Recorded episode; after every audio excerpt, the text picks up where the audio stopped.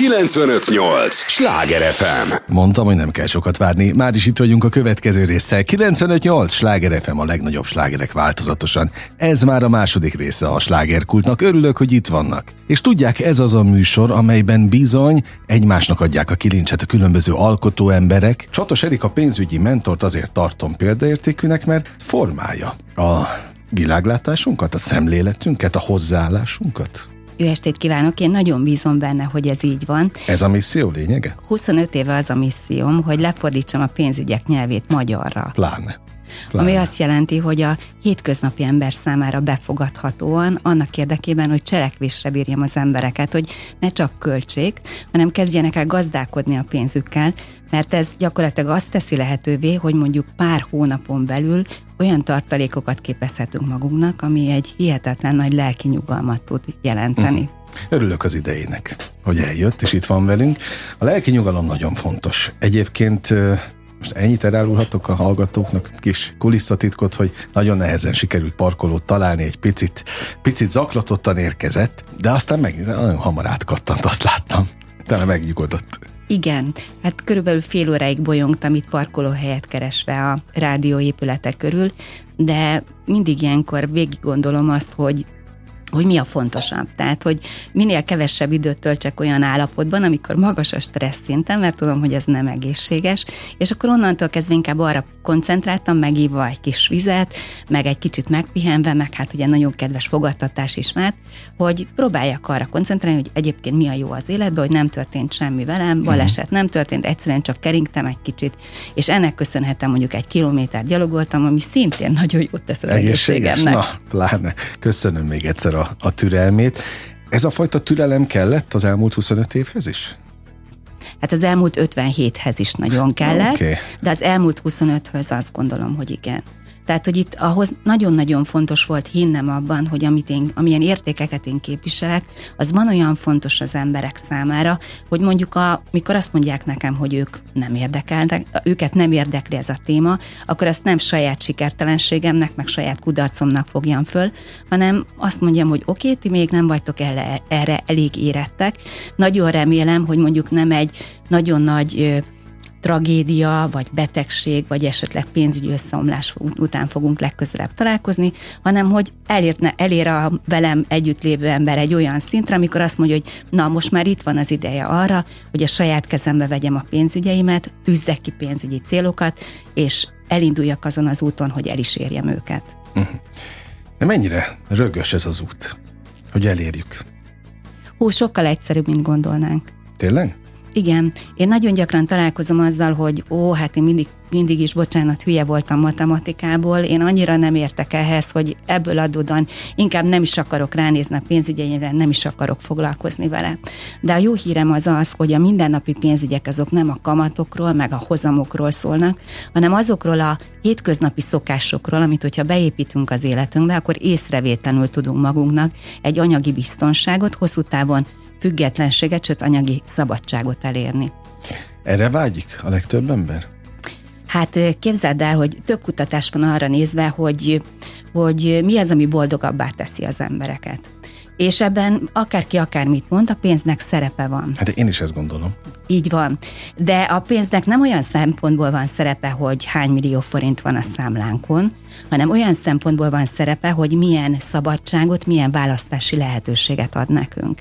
Én, nekem az a misszióm, hogy azt mutassa meg az embereknek, hogy a, annak érdekében, vagy amiatt, hogy lemondunk most olyan dolgokról, amit szerintem felesleges megvásárolnunk, és ebből egy biztonsági alapot képezünk magunknak, ezzel a szószoros értelmében időt nyerünk.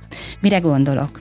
Mondjuk időt nyerünk akkor, amikor rossz, munka, rossz munkakörülmények között dolgozunk, van három-négy hónap tartalékunk, és azt mondjuk, hogy ennyi idő alatt mi biztos fogunk új munkát találni, és nem maradunk abban a stresszes rossz uh-huh. állapotban, hanem tovább lépünk.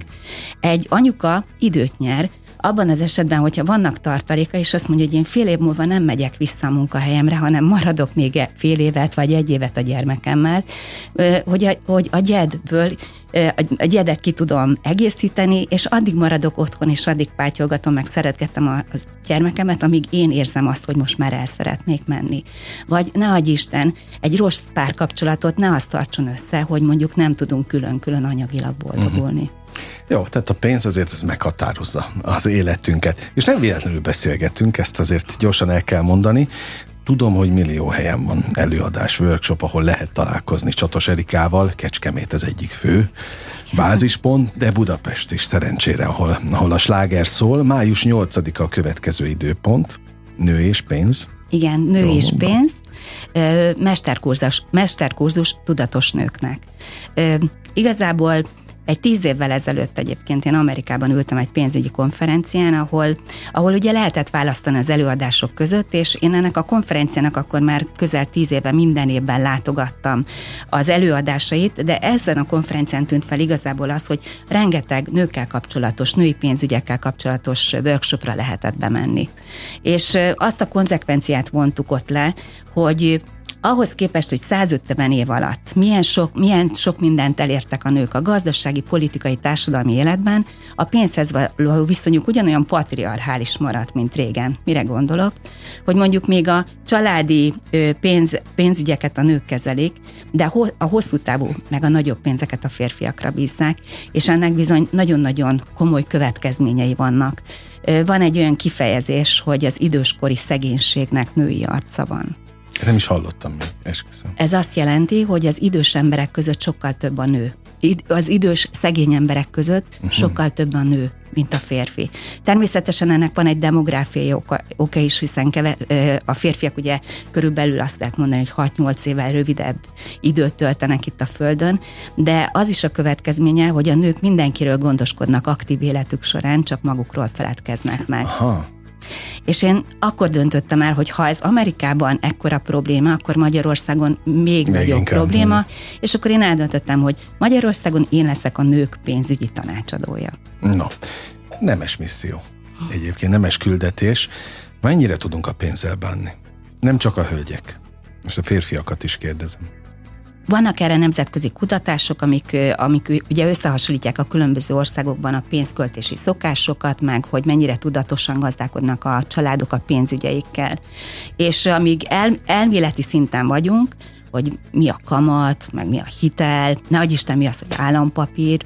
Addig még úgy körülbelül középtájon vagyunk mi magyarok az országok között, de onnantól kezdve, amikor arról szól, hogy mennyire vagyunk fegyelmezettek a pénzügyi szokásaink kapcsán, tehát képezünk-e tartalékot, okosan használjuk-e a hiteleket, okosan használjuk-e az akciókat, ott bizony a fegyelmezetlenebb országok közé tartozunk, és az utolsó harmadban vagyunk. És ennek bizony az a következménye, hogy mondjuk 10 családból 6 család hónapról hónapra él, és hogyha egy nagyobb kiadás bekövetkezik az életükbe, akkor hitelt kell felvenniük, és nem tudják mondjuk a tartalékokból finanszírozni. Millió fontos témát dob föl, hát mindegyiket le fogom csapni, mert ezek, ezekről beszélni kell, é, akár a hitelekről is most, de majd megyek kronológiában. mennyire, de akkor maradjunk egy picit a hiteleknél, uh-huh. mennyire halálugrás felvenni hitelt? Mennyire felelőtlenség felvenni hitelt?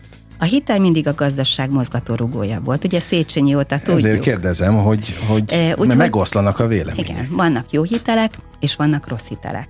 Itt mindig nagyon fontos dolog az, hogy mi az, amit mi megengedhetünk magunknak, mint mondjuk egy család. Nagyon fontos dolog, hogy a hitelnek véleményem szerint mondjuk a családi büdzsének a 15-20%-ánál többet nem szabad, hogy lefedjen, mert akkor bizony olyan mondjuk egy váratlan betegség, baleset vagy haláleset esetén, amikor mondjuk kiesik a, a családfenntartó, akkor összeomolhat a teljes ö, ö, családi gazdaság.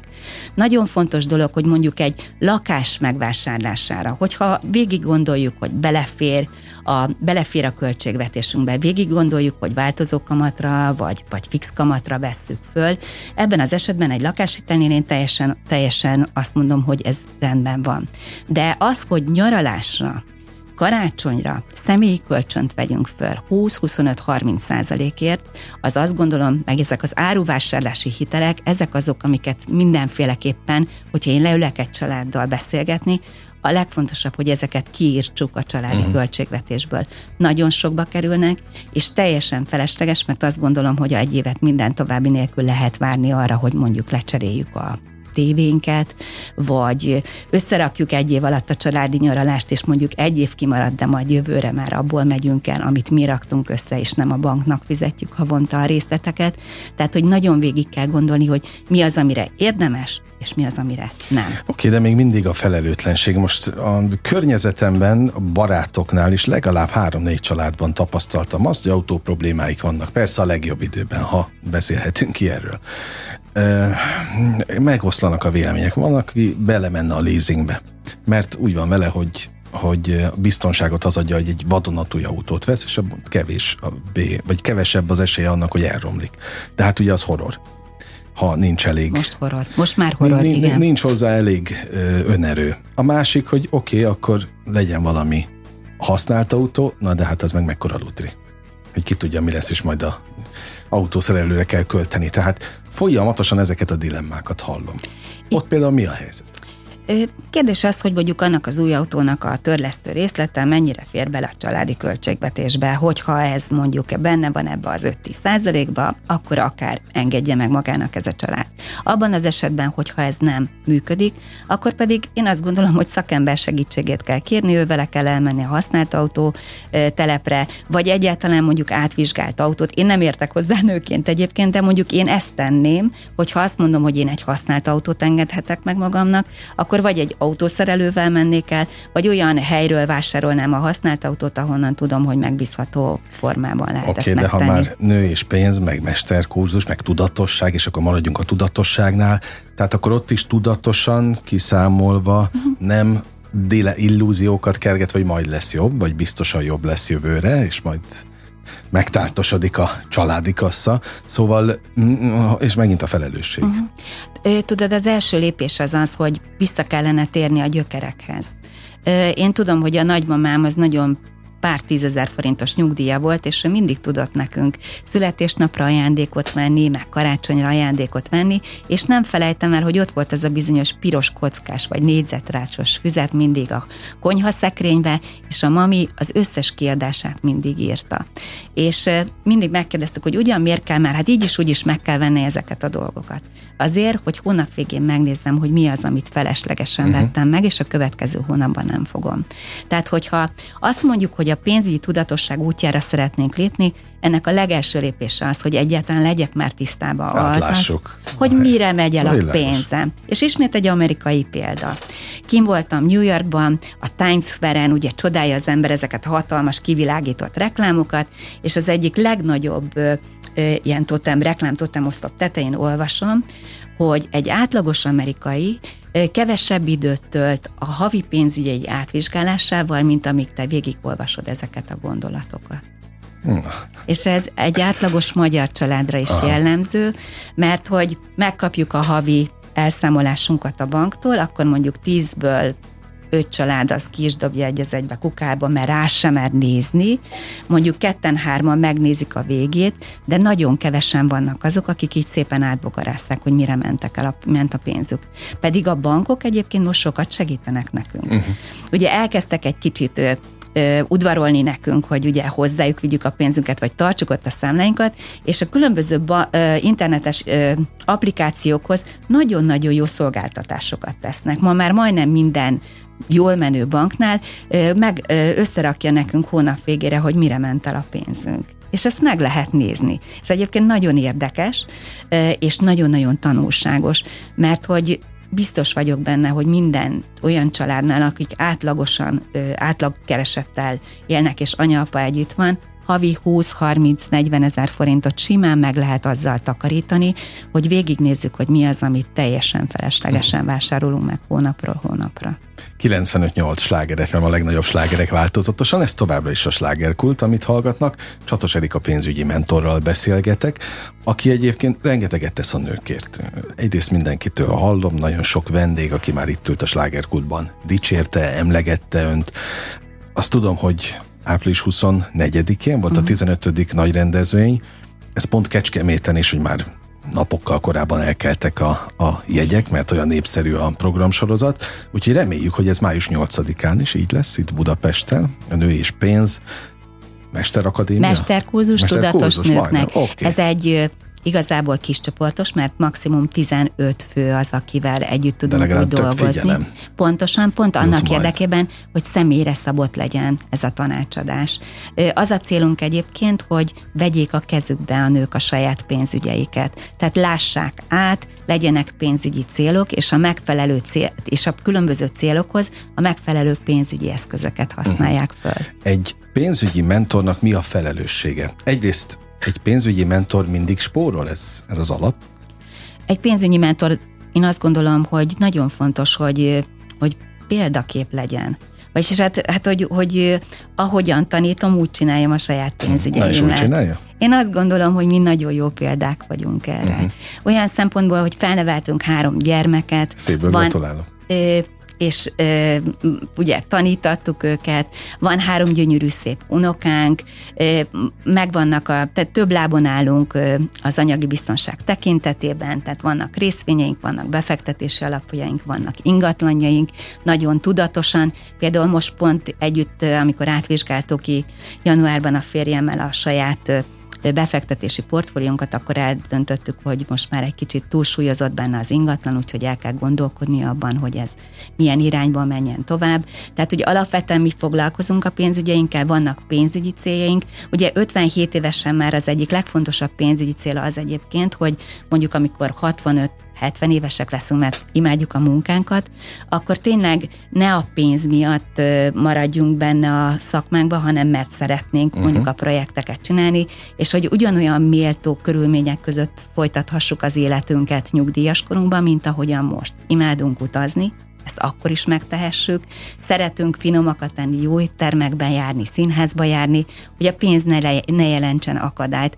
Ugye azt mondják, hogy a nyugdíj az arról szól, hogy a nyugalom díja, hogy ugye megdolgoztál egész életedbe, és onnantól kezdve már élvezd az utol, életednek az utolsó negyedét. Úgyhogy én azt gondolom, hogy bennünket érdemes követni, amit mi tanítunk, úgy éljük az életünket uh-huh. is.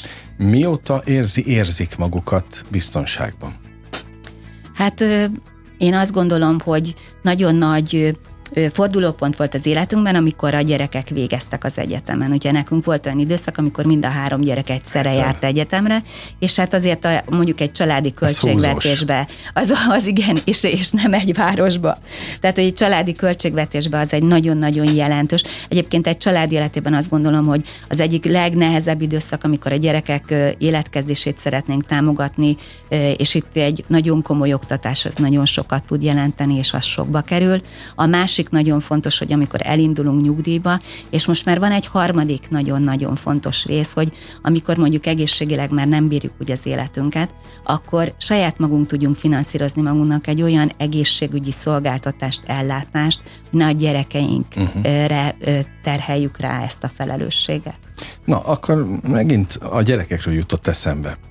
A meddig terjed egy szülő felelőssége? Kell-e a gyereknek mindent megteremteni, lakást, kezdőtőkét, mit tudom én, bármit.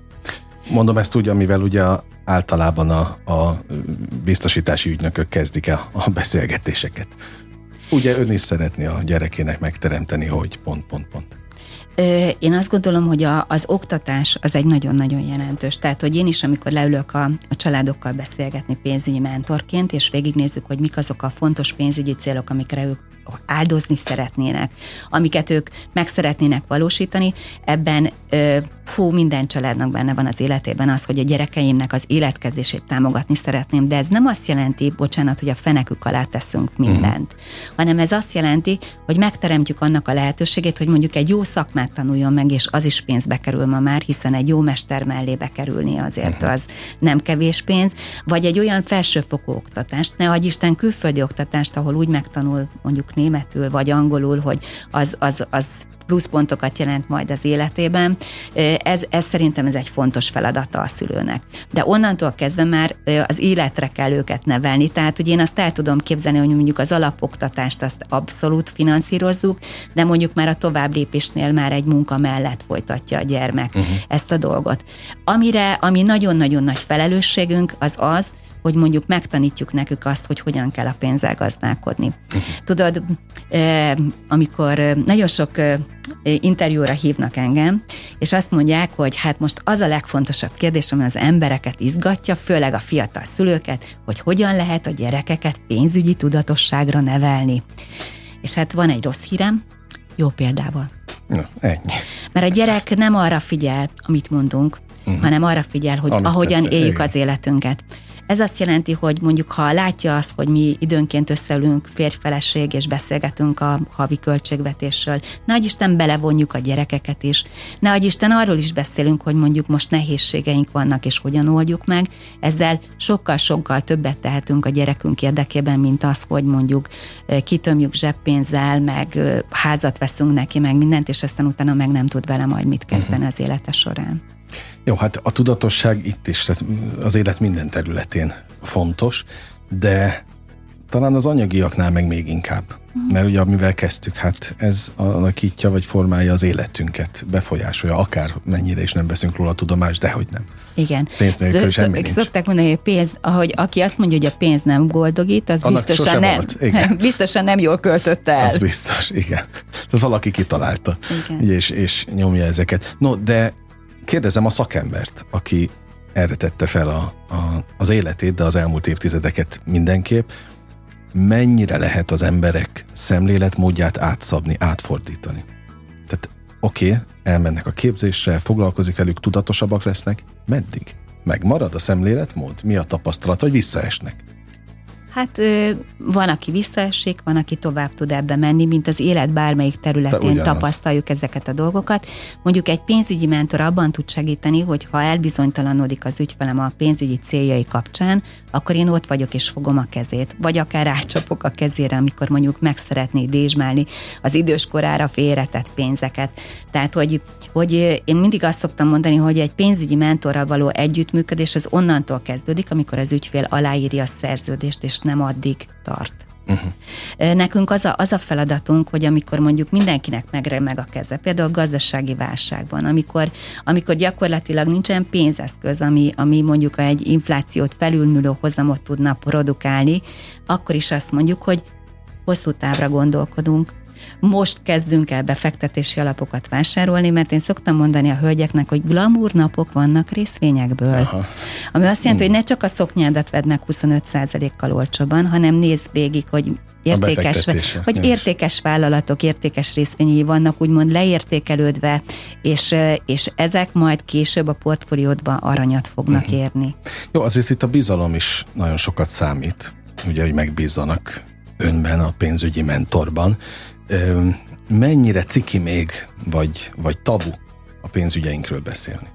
Hát az a legnagyobb bánatom, hogy talán az utolsó nagy tabu Magyarországon. Még mindig? Igen, tehát hogy most már beszélgetünk a menopauzáról, a Lombik Baby programról, arról, hogy a nők is szerethetnek szexelni, meg folytathatnánk uh-huh. még a sort, de a pénzről még mindig nem beszélünk. Tehát, hogy amikor, amikor egy baráti társaság leül, akkor nagyon sok minden előkerül az asztalnál, de az, hogy kinek milyen befektetései vannak, meg kinek milyen elképzelései, meg stratégiái vannak, arról nem igazán szoktak beszélni az emberek, pedig nagyon sokat tudnának segíteni egymásnak ezzel. Hát remélem, hogy segítettünk valamit ezzel a beszélgetéssel. Nekem az a misszióm, hogy adjunk a hallgatóknak útravalót, amelyen tudnak holnap, ma, jövő héten gondolkodni, és talán be is épül egy-egy fontos mondat, de nyilván ennél sokkal mélyrehatóbb az, hogyha elmennek és részt vesznek ilyen képzéseken, ami még egyszer akkor mondjuk el május 8-án. Tehát május 8-án lesz, és akkor az álomjövő tanácsadóira, az álomjövő Facebook oldalán lehet információt, illetve hogyha mondjuk Facebookon beütik azt, hogy nő és pénz mesterkurzus tudatos nőknek, akkor, akkor ugye oda találnak az oldalunkra, és akkor minden információ megvan rajta. Egyébként Csatos Erikával pedig több helyen igen. találkoztatnak, majd május 12-én is folytatódik igen, a igen, sor. Igen, mert május nagyon-nagyon büszke vagyok rá, hogy a Plan én is előadhatok, előadhatok, és ez a testi-lelki jólétünkről fog szólni egyébként, és hát ugye lehet, hogy kakuk tojásként, de arról fogok beszélni, hogy a pénzügyeink milyen fontos szerepet játszanak abban, hogy testileg, lelkileg is jól érezzük magunkat. Hogy minden összefügg mindennel. Ez így van. Nagyon élveztem a beszélgetést, hogy van a mondás, hogy jó társaságban Gyorsan telik. De, és tényleg ez így is van, jöjjön gyakrabban, és Jó beszéljünk van. ezekről a fontos dolgokról, mert szerintem ez is egy misszió, hogy ne legyen tabu. Igen, úgy tudunk egy, segíteni egymásnak. Egyébként a jó, a, a jó érzés, meg a jó hír az az, hogy mondjuk öt évvel ezelőtt még a médiumoknál is azt mondták, hogy ugyan már ez a téma senkit nem érdekel, és azért mondjuk az utóbbi két-három évben már egyre inkább, egyre gyakrabban hívnak engem, hogy ne csak mondjuk a nőnek lenni jó konferenciáról, mm. meg a jótékonysági dolgainkról beszélgessünk, vagy hogy mert végigjártuk az elkaminót, hanem ezekről a nagyon fontos pénzügyi témákról is. No, hát akkor most ezzel megint hozzáadtunk valamit, várom vissza, és sok olyan csillogó szempárt kívánok, amilyen most az öné. Köszönöm a, szépen. A következő összejöveteleken, workshopokon Köszönöm az idejét. Kedves hallgatóink, önöknek is nagyon köszönöm a megtisztelő és kitüntető figyelmet. Ugyan most bezárjuk a slágerkult kapuját, de ne feledjék, holnap ugyanebben az időpontban ugyanitt újra kinyitjuk. Élményekkel és értékekkel teli perceket, órákat kívánok mindenkinek az elkövetkezendő időszakhoz is. Engem Esmiller Andrásnak hívnak, vigyázzanak magukra. 958! Sláger FM!